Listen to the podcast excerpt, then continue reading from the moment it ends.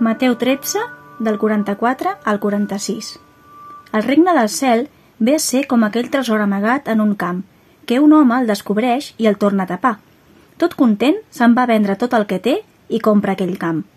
També, el regne del cel s'assembla a un comerciant que cerca perles fines i quan n'ha trobada una de gran valor, se'n va, ven tot el que té i la compra. Aquesta és la paraula de Déu. Hola i benvingut al podcast de Ciutat Nova, una església protestant al barri 22 arroba de Barcelona.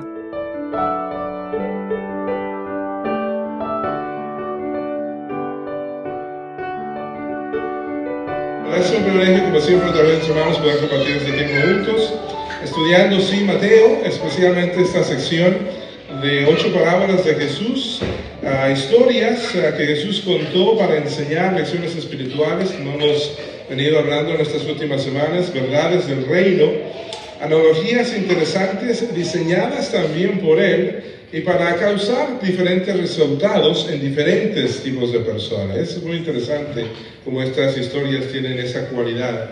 A veces escondiendo ciertas verdades para unos, a veces revelando ciertas verdades para otros, a veces causando inclusive una especie de rechazo por, por, por, unos porque se sentía personal, se sentía como que se hacía referencia a ellos, a veces penetrando sin duda hasta lo más profundo y discerniendo las intenciones del corazón, inclusive a través de estas pequeñas historias. Son parábolas, como ya, como ya hemos visto en estas semanas, historias que revelan los secretos del reino. Uh, ese reino que ya es, ese reino que Jesús ya vino a comenzar, pero ese reino también que está por venirse y ese reino que está por manifestarse por completo. Pero ya podemos vivir en el día a día, en cierto sentido, en las realidades de lo que mucho de este reino implica. Algunas historias de estas que hemos estado leyendo sin duda han sido un poco más fáciles de entender que otras, a veces no tanto. A veces no sé si uh, pasa lo mismo, pero a veces inclusive parecieran inconclusas. es como el comienzo sí de una historia, pero de pronto se queda ahí y no es la historia, el tipo de historia que está uno esperando la, la conclusión un poco más más clara, pero como que te deja un poco en el aire, como que te deja esperando cierta resolución de esa historia, lo cual es uh, siempre interesante. Siempre otra vez con una intención de causar una reacción para los oyentes. Y pensaba como las historias son muy importantes. Uh, eh, quizá más de lo que hemos considerado muchas veces, y sobre todo para nosotros uh, eh, de nuestro mundo contemporáneo. En esta semana, una bibliotecaria de nuestra amiga de, de, Vilafranca, Rubén, me enviaba un pequeño un artículo y un video de, la, de otra bibliotecaria, Tracy D. Hall, que recientemente fue incluida en la lista de la revista Time como una de las personas más influyentes del mundo. Ella, en su pequeño discurso, al agradecer esta, esta, esta, este reconocimiento, lo comenzaba diciendo, las historias pueden transformar la forma como vemos el mundo. Las historias pueden transformar uh, la manera, la forma como vemos el mundo. Las historias nos forman, nos dan identidad, nos dan valor, nos dan uh, eh, dignidad inclusive como personas. Si quitas a alguna cultura sus historias, olvidan quiénes son, olvidan sus raíces se pierden, se confunden, interesantemente.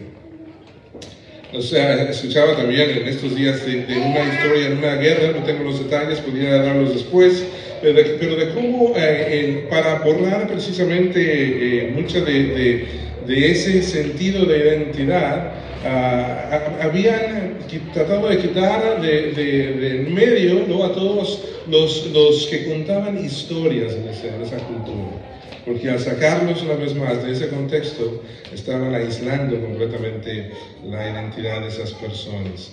Se quitas a alguna cultura su historia, se olvidan quiénes son, de sus raíces. Nosotros mismos vivimos en una historia, ¿no es cierto? Ah, ¿No será que ese sentido muchas veces de no saber quiénes somos o de buscar nosotros mismos nuestra propia identidad en las ofertas de nuestro mundo contemporáneo ah, y lo que nos ofrece, pero que no acaban de llenar ese vacío? ¿No será que eso es precisamente un reflejo de esa realidad y de esa búsqueda de conexión de nosotros mismos con una historia mayor? de que a nuestra falta, de que a nuestra historia le falta algo, como que necesita un contexto mayor, existir dentro de un contexto mayor. Qué interesante. C.S. Lewis, de las Crónicas de Narnia, y J.R. Tolkien, del Señor de los Anillos, hablaban de un gran mito verdadero, lo describían. El gran mito verdadero. Uh, mito tiene quizá para nosotros esas connotaciones de algo falso y por eso quizá querían asegurarse de decir gran mito verdadero, pero porque en realidad estaban hablando y haciendo referencia a una gran historia, a una super historia, a una historia mayor y trascendente. Y no será por eso que sus historias, interesantemente, tanto de, de C.S. Lewis como de Tolkien, uh, y otras grandes, grandes historias, conectan también con nosotros en un plano más profundo, ah, hablan a nuestros anhelos más profundos y llegan a conmovernos en lo más profundo de nuestro ser. Independientemente de la cultura, de los tiempos, interesante cómo trascienden esas cosas. ¿Qué tal si nosotros también necesitamos de una superhistoria? Una gran historia en donde podamos anclar nuestra misma historia. ¿De dónde viene ese sentido de añoranza, de cómo tratar de recordar algo muy importante que hemos olvidado, de extrañar algo que supuestamente nunca hemos tenido, de sentir como que algo muy importante todavía nos está faltando? Quizá en nuestro día a día nos, encontramos con esas personas que se sienten así, quizá nosotros mismos en algún momento, o aún todavía olvidamos ciertas cosas y nos sentimos de esa manera. El mundo muestra evidencias a todo nuestro alrededor de un Dios que parece haberse esfumado, decía Pascal, y de seres humanos que con sus acciones dan evidencias de ese deseo, de ese anhelo profundo por conectar con ese Dios. Estás aquí, le dice Morpheus a Neo, para todos, Neo, a todos los, los, que les gustan las películas en esa serie de, de Matrix, estás aquí porque sabes algo, dice. Lo que sabes no lo puedes explicar, pero lo puedes sentir. Lo has sentido toda tu vida. Hay algo malo con el mundo, pero no sabes lo que es. Pero está ahí, dice, como una astilla en tu mente. Esa, esa frase tan, tan famosa de esa película, ¿no es cierto? ¿Qué tal si fuimos hechos de esta manera y necesitamos esa otra historia mayor, donde anclar nuestra vida? Entonces hemos vivido por mucho tiempo en un mundo en desencanto y donde lo sobrenatural se, se, descarta en el día a día. Un mundo donde todo tiene una explicación científica y hasta muchas veces fabricable, repetible, pero donde se ha perdido el encanto, el asombro de las cosas, de las cosas sublimes especialmente. Nosotros en un pequeño grupo de jóvenes creativos hablamos interesantemente de muchas veces perder este sentido de belleza en nuestro día a día y, que, y cuánto eso nos afecta y nos quita nuestra humanidad interesantemente. Y es al conectar con eso que podemos reconocer nuestra propia humanidad.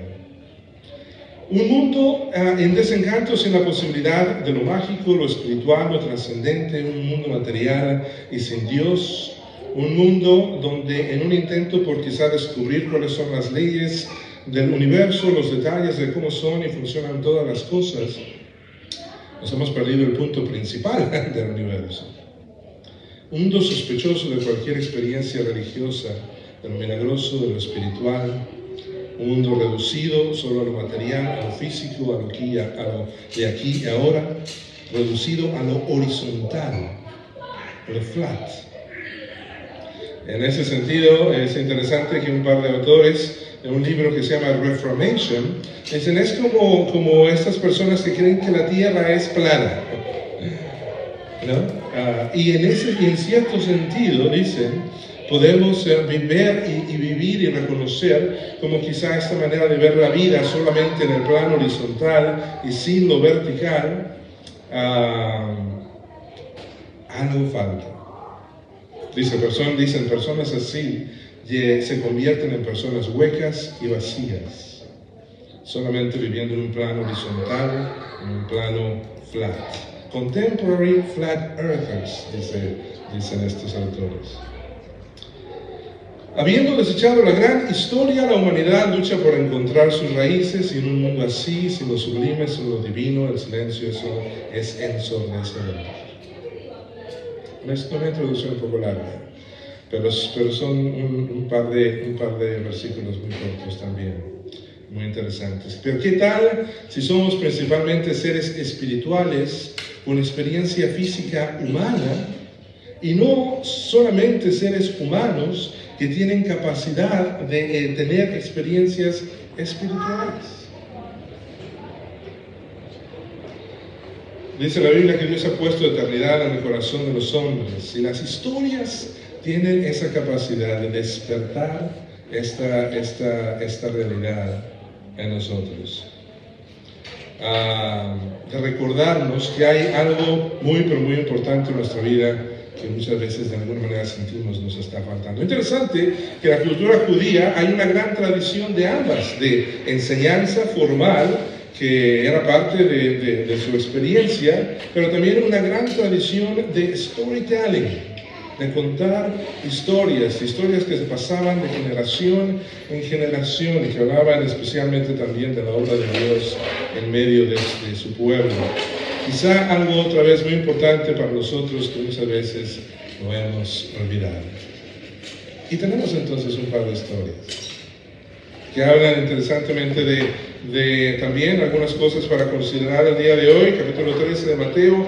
Decíamos ocho parábolas de Jesús que eh, muestran un recorrido progresivo ah, hacia ese futuro de reconciliación y restauración completa y a la vez son una descripción de la manera como Dios ha ido hablando y progresivamente se ha ido revelando.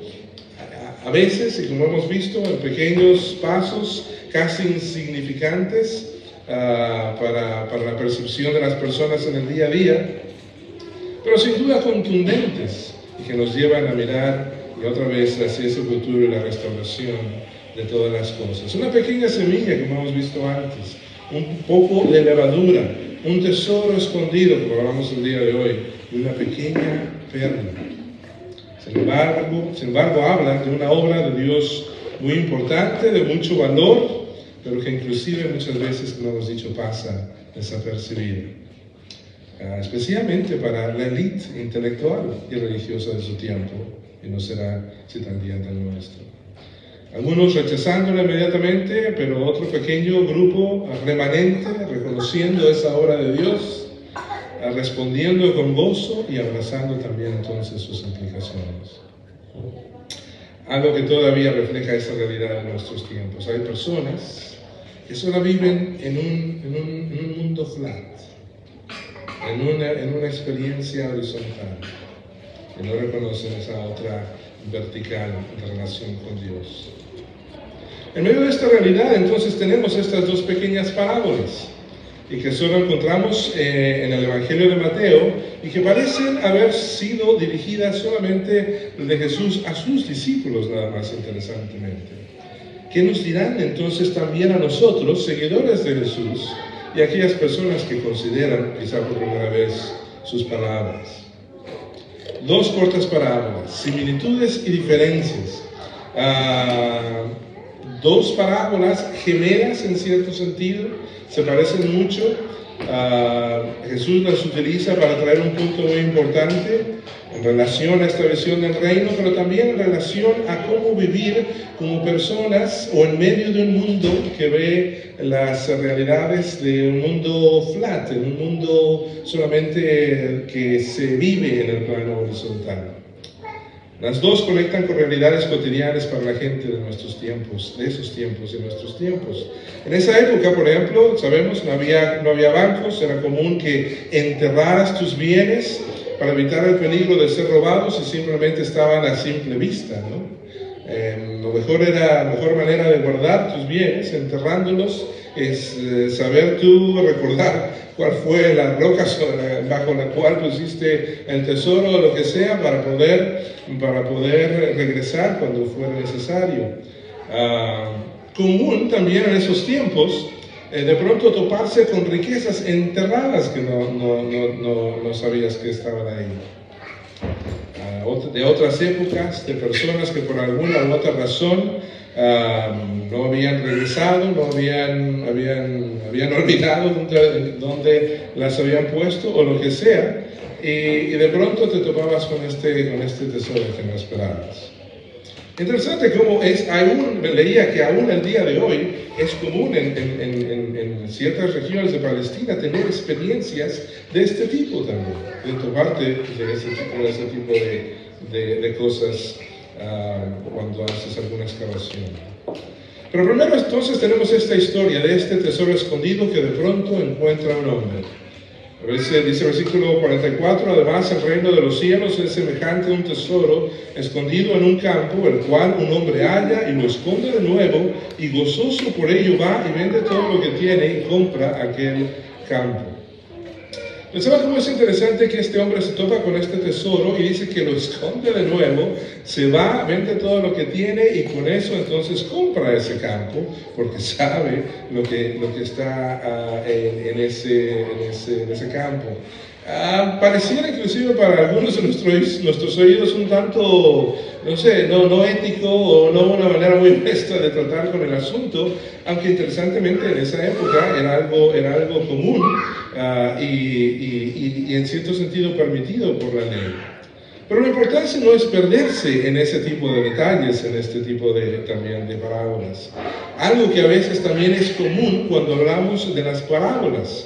Cuando tratamos con las parábolas de la Biblia podemos perdernos también en cada, en cada buscar cada, cada, cada, cada significado de cada una de las cosas y empezar a desarrollar toda un, una extensa idea de lo que cada cosa significa hasta que empieza a costar encajar todos los detalles. Eh, y es importante entonces de la misma manera recordar que hay cosas en la Biblia que son descriptivas y no prescriptivas.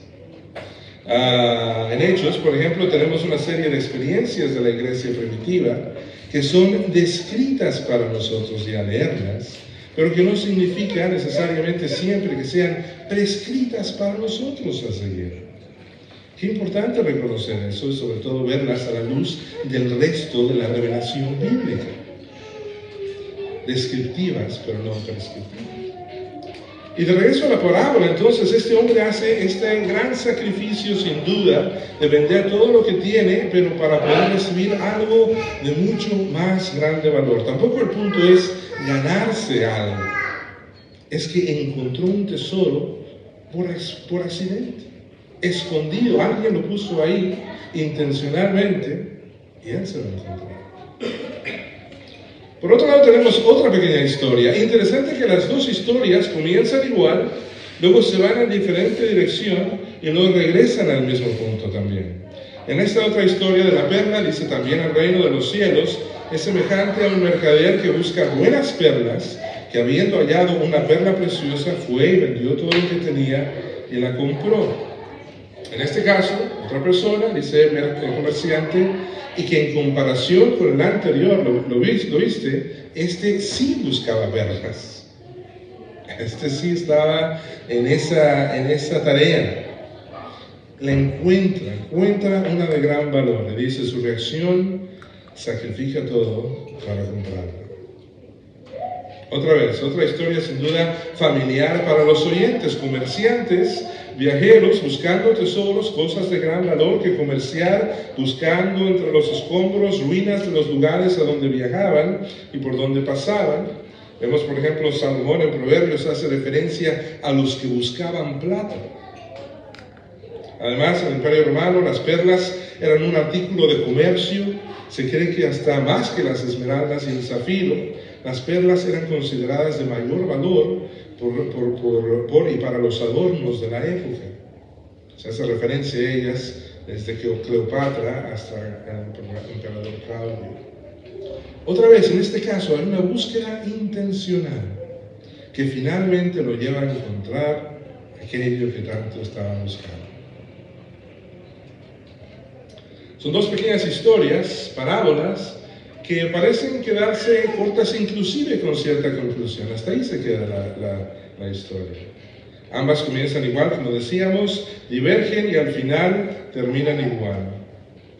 Están como de acuerdo en la representación de algo valioso que es descubierto, pero después de diferentes maneras y procesos para descubrirlo, pero llegan al final y a reconocer ese gran valor. Entonces, ¿cuál es su punto principal y con qué pudiéramos quedarnos tú y yo el día de hoy? Yo pensaba que es interesante que las buenas noticias del Evangelio parecen muchas veces estar también escondidas y a plena vista para muchos de nosotros. A personas, por ejemplo, que como yo, que nací en prácticamente, digo, la primera banca de una iglesia, mi padre era pastor, fue pastor por más de 50 años, Ah, y lo primero que recuerdo es estar, estar sentado ahí y después hacer todas las travesuras que los hijos de pastores hacen en la iglesia, pero, pero eh, es interesante cómo a, a, lo largo de la vida podemos inclusive crecer con instrucción religiosa toda la vida y podemos perdernos el punto principal y podemos perdernos esas buenas noticias de la provisión de Dios. Seguimos buscando por el resto de la vida ganar ah, no solamente eh, en dónde encontrar esa seguridad, satisfacción y significado que buscamos, pero seguir tratando de ganar la atención, el favor, el amor de Dios a través de nuestros esfuerzos. El típico encargo religioso de tener que hacer cosas, una serie de pasos, para tener esa conexión con el Creador, para encontrar ese sentido de la vida que buscamos. Cuando lo horizontal, lo flat, no alcanza a llenar esos huecos de nuestra vida. Es interesante que muchas veces Dios parece esconder el tesoro de las buenas nuevas a algunos y para que persiguiendo y finalmente encontrándolo todo aquello que creíamos nos daría esa satisfacción, seguridad y significado en este mundo, al final tengamos que llegar a la conclusión de que no lo podemos encontrar en ellos.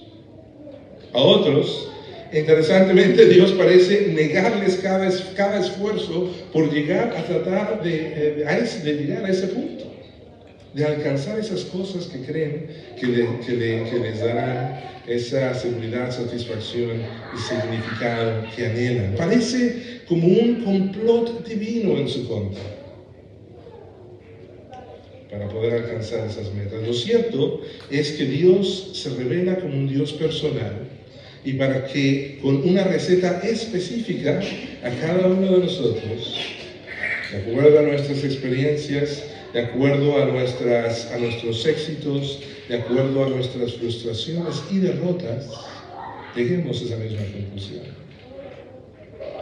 Y para que podamos quizá encontrar ese tesoro invaluable, esa perla de gran precio y que no se compara con nada más. Por otro lado, y haciendo un pequeño, una pequeña desviación, ¿qué es lo que más valoras en la vida? ¿Qué es ese tesoro? ¿Qué es esa perla que buscas? Que buscamos. ¿Qué es aquello que si crees que si tuvieras serías finalmente completamente seguro, feliz? Tu vida tendría propósito y significado. O déjame preguntarlo de otra manera, ¿qué es aquello que crees que si perdieras sería la mayor tragedia de tu vida? Perderías todo, tu sentido de seguridad, tu sentido de propósito, tu sentido de felicidad.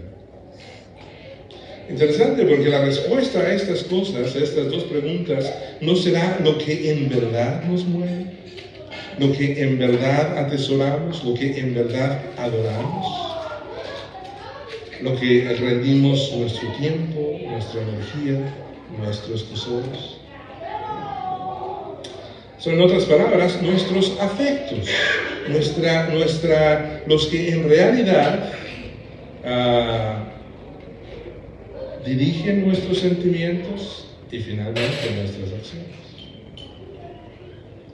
Por último, entonces, y para terminar, hemos hablado de este par de pequeñas historias que nos recuerdan estas verdades espirituales y de lo importante de verlas en el contexto de otra historia, de otra gran historia que necesitamos reconocer para dar sentido a nuestra vida, ah, para dar y encontrar esas raíces que necesitamos y que hemos perdido en un mundo horizontal, en un mundo flat.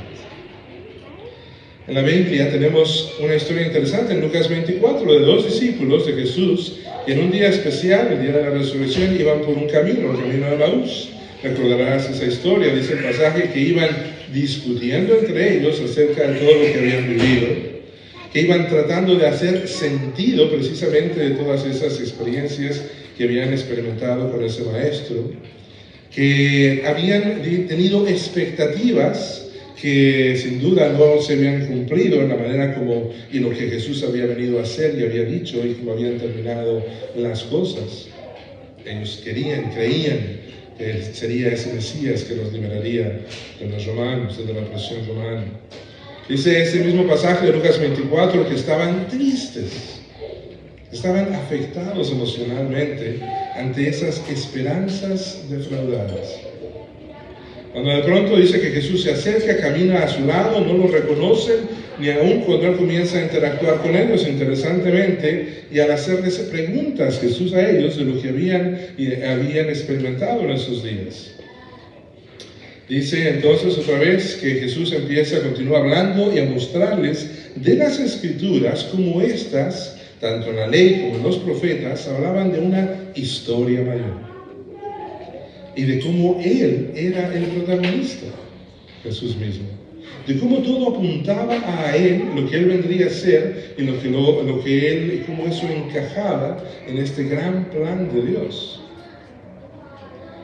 Todo apuntaba a esa gran historia de la intervención de Dios en la humanidad. Y es cuando de pronto dice que este par de discípulos en el camino de Maús, dice que de pronto sus ojos se abren al oírlo y dice que, ardía su corazón